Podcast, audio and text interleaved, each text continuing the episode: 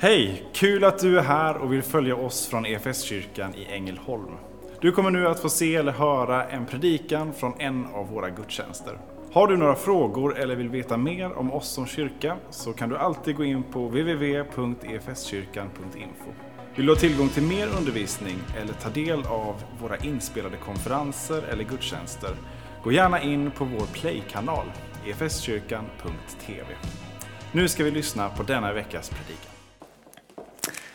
Allhelgonahelgen.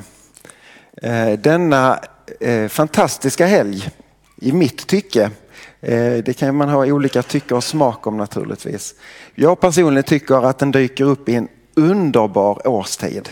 Att det är grått och disigt gör mig ingenting utan då får man bara glädjas att man får tända upp med lite ljus och liksom skapa värme och, och, och sen råkar det vara en fin solig dag, ja då är det vackert. Men att mitt i den här årstiden eh, få fira allhelgonahelgen med, med det väder som det bjuder på tycker jag är fantastiskt. Att få gå till en gravplats eller söka upp en kyrkogård just när mörkret håller på att liksom bryta eh, vad ska jag säga, blir skepnadens skiftning under dagen. Eh, det är så Eh, berörande tycker jag. Med full respekt för att man kan tycka olika om det. Men det har ju faktiskt kommit att kanske bli en av vår tids stora kyrkliga helger. Vi har första advent och vi har jul och vi har påsk. Men det är en helg, allhelgonahelgen, där väldigt många människor, kreti och pleti höll jag på att säga, eh, besöker kyrkogården. Igår kväll så var jag vid mammas och pappas grav och, och lotsade mig fram i mörkret genom vad var det, 1060 marschaller på kyrkogården här i Ängelholm. Eh, och man höll ju på att krocka med människor. Eh, det var alldeles, alldeles fullt med folk. När jag gick där så, så gör jag ändå den här reflektionen. Vad är det som uttrycks en sån här helg i människors hjärtan och människors sinnen?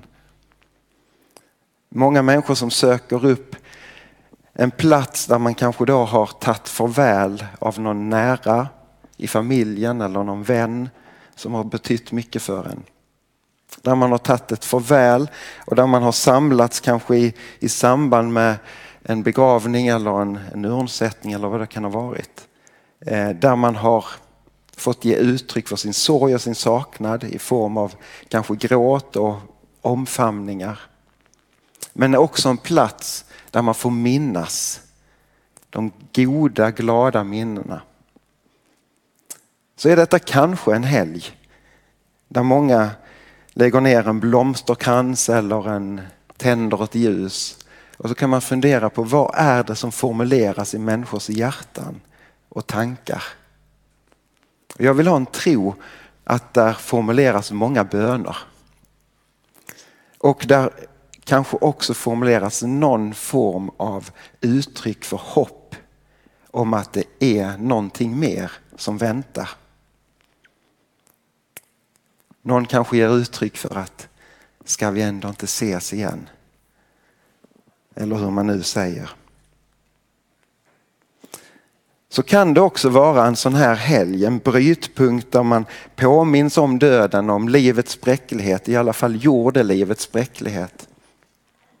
Där man ställer sig frågorna kring livet och ställer sig frågorna, ja men är detta allt? Finns det någonting mer? Jag vill ha en stark tilltro till Herren, att han är där och möter upp på något sätt i de där kanske bönerna eller tron som uttrycks i människors hjärtan. Förra helgen, eller om det var förra helgen igen, så, så vart jag inbjuden till en, en måltid. En väldigt spännande måltid. Eh, jag fick sitta ner med ett gäng människor som jag aldrig hade träffat innan eller som jag inte kände i alla fall. Någon hade jag sprungit på. Eh, och eh, det var en, jag satt där i form av präst faktiskt. För att de som varit inbjudna till den här måltiden hade fått en, liksom en inbjudan med att nu har ni möjlighet att ställa prästen mot väggen. Ställ era frågor. Låt oss samtala om tro och om livet. Tre timmar satt vi och bara pratade tro från början till slut. Vi hoppade över det där snacket om väder och vind eh, och gick rakt på Pudelns kärna. Mitt i det här samtalet så, så fick jag frågan från en av personerna. Tror du att vi återföds? Och, alltså i den här rekarnationstankeformen. Att vi återföds i någon annan kropp eh, här. Och ärligt sa jag, nej det tror jag absolut inte. Eh, full respekt för att man kan tro det, men jag tror inte det.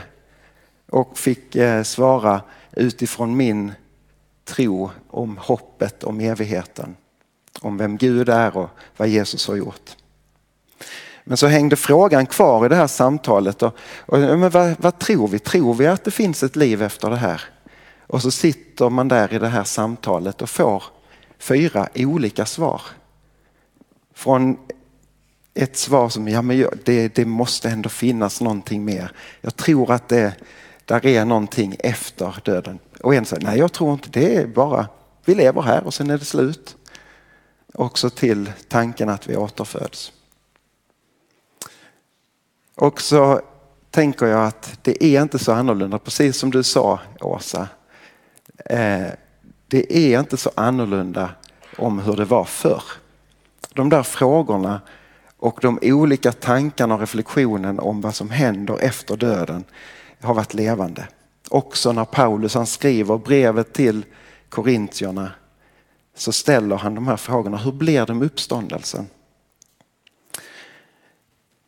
Jag tycker det är också lite skönt att han, eller skönt, men, men när han bara uttrycker det här att hur blir det? Någon undrar hur blir det? Uppstår, hur uppstår de döda? Hur en kropp får de när de kommer? Och så säger han vilken enfaldig fråga.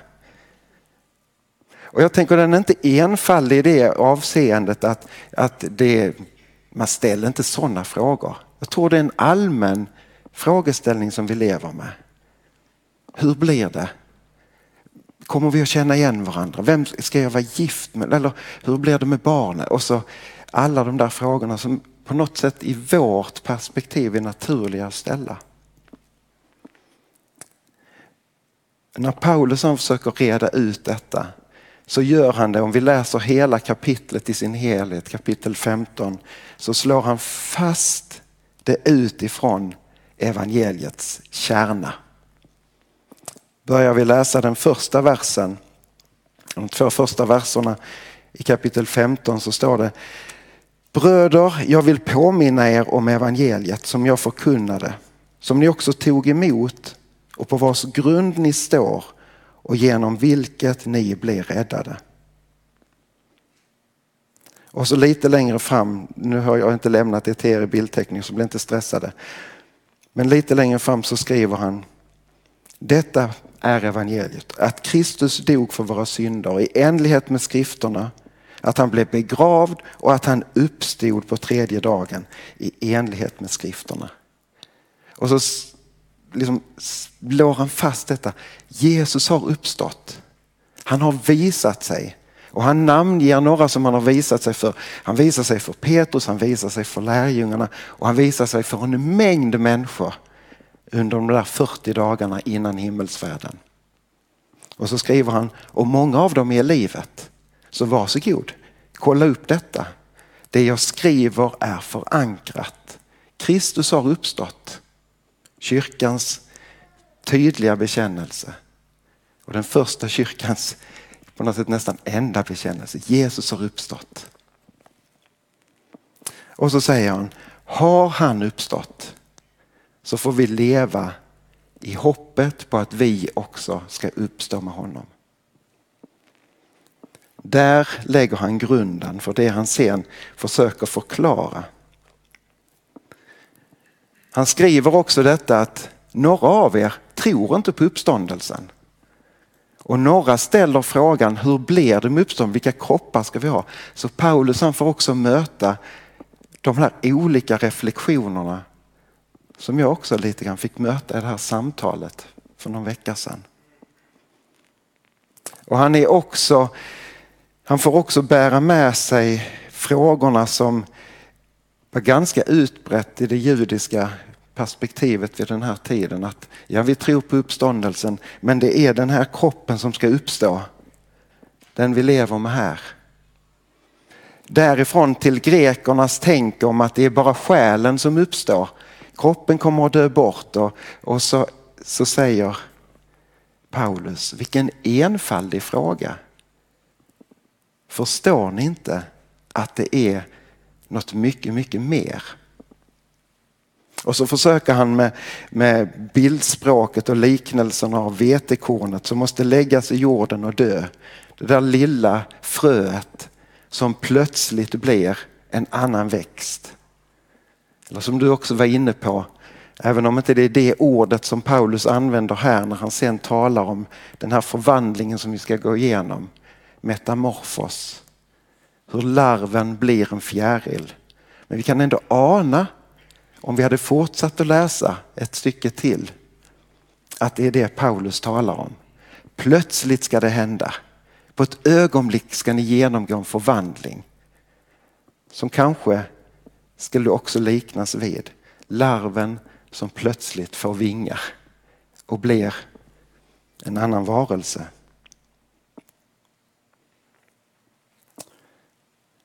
Så säger han att det som sås förgängligt, det ska uppstå oförgängligt. Det som är svagt, det som är skadat, det som vi lever i i konsekvens utifrån syndafallet. Det kommer att få en full kraft. Det kommer att bli oförgängligt, kommer att bli odödligt. Det talar om en tillvaro i evigheten. Och där är vi vi, men ändå något annat. Tänk dig den dagen, eller den här dagen, tänk dig den evigheten som du kommer en gång få vakna upp och slå upp ögonen och för första gången uppleva dig fullständigt hel. Utan några skråmor, utan någon gråt, utan någon klagan, utan någon saknad och allt det som tyvärr hör den här tillvaron till, till viss del. Det kommer att vara borta. Och du kommer att få uppleva dig själv fullkomligt hel. Så som det var tänkt. Men det som blev skadat. Guds ord säger ju också att när Gud skapar en ny himmel, se jag ska göra allting nytt. Och vi innefattas också i den omdaningen när vi har evigheten att se fram emot. Hur ska vi förstå det himmelska? Det är kanske där Paulus säger, vilken enfaldig fråga. Hur försöker ni, ni försöker greppa detta som vi förmodligen inte kan greppa fullt ut. Hur kommer det himmelska att vara? Vi kan måla de mest fantastiska bild. Tänk dig det skönaste du vet. Och så tänk dig det gånger tio, gånger hundra och så ändå kommer det att bli mer underbart än så. Hur ska jag förstå det?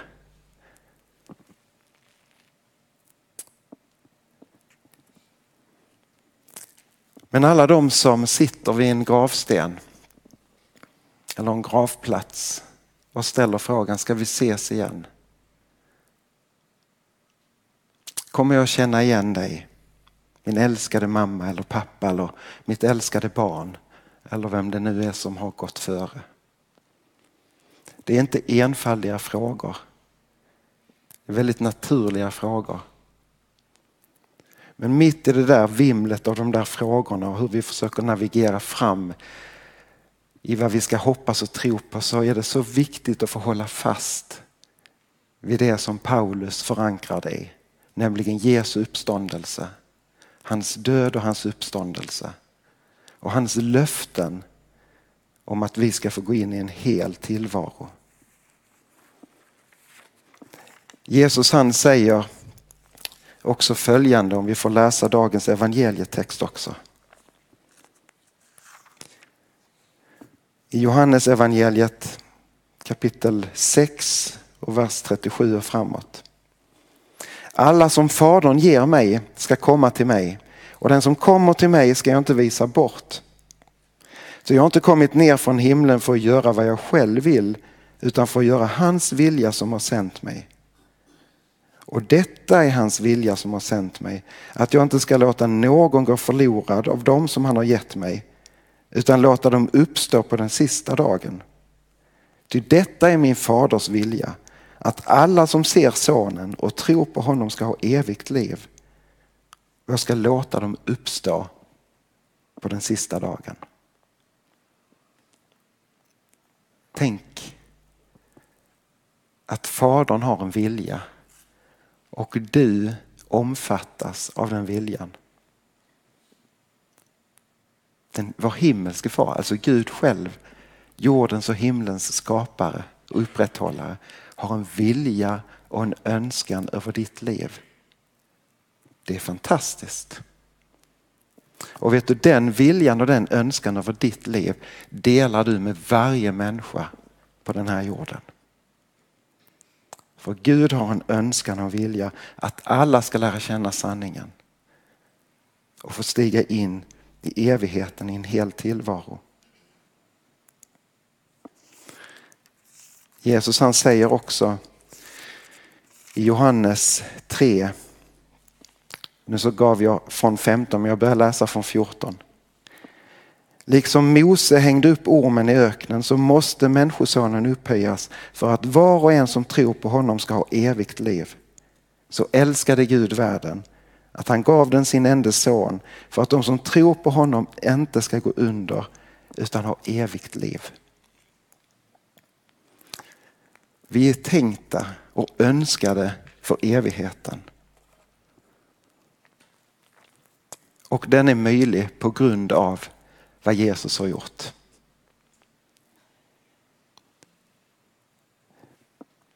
Många av oss har erfarenhet av detta att mista någon som man har mycket, mycket kär. Och man har drabbats av de där frågorna och sorgen och saknaden blandat med tacksamheten över livet och det som man fick. Några får också vara med om den där oerhört smärtsamma som jag bara kan föreställa sig den oerhört smärtsamma upplevelsen att förlora ett barn. Det är på något sätt vi har vant oss vid att det ska vara en viss ordning i generationerna, att det, det är de äldre. Men ibland så drabbar det också att man förlorar ett barn. Och vad gör det med ett modershjärta eller ett fadershjärta? Ja, någonstans överlever man men det är mycket som går i kras. Och den sorgen och saknaden är säkert så mycket djupare än det som jag har fått uppleva. Men när Gud han vill ställa till rätta, han som älskar med ett äkta modershjärta och ett äkta fadershjärta varje människa, som har en vilja för varje människa. Han lät sända sin älskade son för att rädda världen. Och någonstans kan man bara måla bilden av vad gör det med Guds hjärta?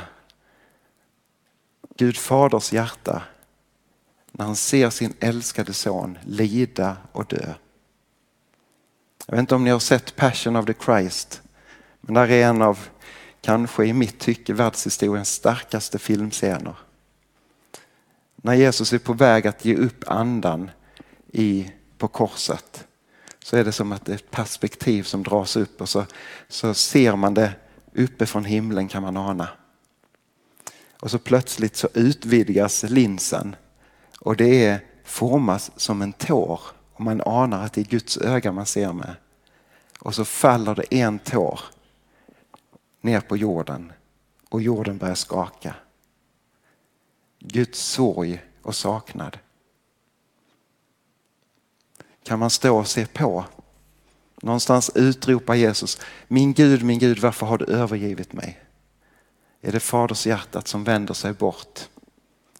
för att inte bryta in och rädda sin älskade son.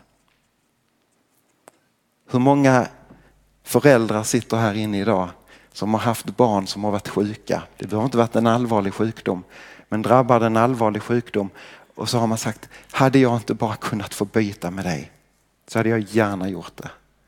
Hade jag kunnat få ta din smärta och din brottning så du hade kunnat få gå med lättare steg så hade jag gjort det. Men Gud fader låter det ske för att han älskar dig och mig och varje människa så oerhört mycket. Och genom denna död och denna uppståndelse så får vi liv. Och därför så kan vi med, med liksom evighetshoppets glädje få säga att döden är inte en punkt i tillvaron. Det är mer som ett kommatecken. Eller vad det nu är. Där är ett nytt stycke att skriva över varje människoliv. Som sträcker sig in i evigheten. Och vår förhoppning och vår tro och vårt hopp är att de som har gått före får vi en dag möta som hela och förstå varandra utifrån den helheten. Idag så får vi också duka fram Herrens heliga måltid, nattvarden. Vi som lever i det förgängliga får smaka något av det oförgängliga. Här bär vi fram enkla bröd, oblater, vin. När Jesus han talar om det som vi läste i evangelietexten så talar han det efter brödundret. Och I det så talar han om att jag är det levande brödet. Om ni inte äter min kropp och dricker mitt blod så kan ni inte leva. Och det är Johannes anknytning till nattvarden. Och i många kyrkor i vår värld så går man fram till nattvarden för att slå sig ner på knäfallet i altarrunden. Och altarrunden finns ju där som en bild, det är en halv cirkel. Och så tänker man bildligt men också på riktigt. Att vi får fira den här måltiden tillsammans med dem som firar måltiden i det himmelska just nu. På andra sidan altarrunden så sitter de som har gått före.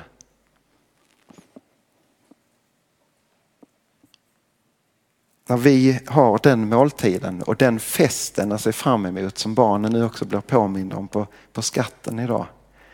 Så tror jag inte att det är några sådana här små oblat som kommer att delas. Det känns lite torftigt på något sätt. Jag tror att det är fetare rätter i evigheten. Men tänk när du får ta emot oblaten. Det enkla lilla brödet, ett förgängligt bröd. När du får ta emot i din hand så får du också ta emot det himmelska. Jesus själv. När du får doppa det i vinet, förgängligt vin, så får du ta del av det oförgängliga. Kristi blod. Så vi lever redan här och nu i ett möte med det himmelska. Och hur ska vi förstå det? Ja, vi kommer inte att förstå det fullt ut. Men i tro får vi ta emot. En dag så kommer vi att förstå vidden av det fantastiska vi får ta emot i nattvard, i dop, i bön och lovsång, i gudstjänstfirande, i gemenskap. En dag kommer vi förstå det utifrån ett helhetsperspektiv när vi får se Herren ansikte mot ansikte och inte som en skuggig gåtfull spegelbild. Det är vårt hopp och vår tro ska vi be. Käre Fader i himmelen. Vi tackar dig för att du har öppnat vägen tillbaka till det som du skapade till som skapade oss till från början. Vi tackar dig för din död och din uppståndelse. Och vi tackar att vi har ett hemland att vänta. En stad som fanns till innan alla andra städer byggdes. Amen. Som kyrka är det en glädje att få spela en liten roll av allt Gud gör i och genom ditt liv. Vi vill gärna fortsätta följa dig på den resan. Och vill du ta reda på vad ditt nästa steg kan vara på din resa med Gud så gå in på efskyrkan.info nästa steg. Vår längtan är att få se människor och samhällen förvandlade av Jesus. Genom en kyrka som återspeglar Guds hjärta, bär varandra och betjänar människor varhelst vi befinner oss varje dag.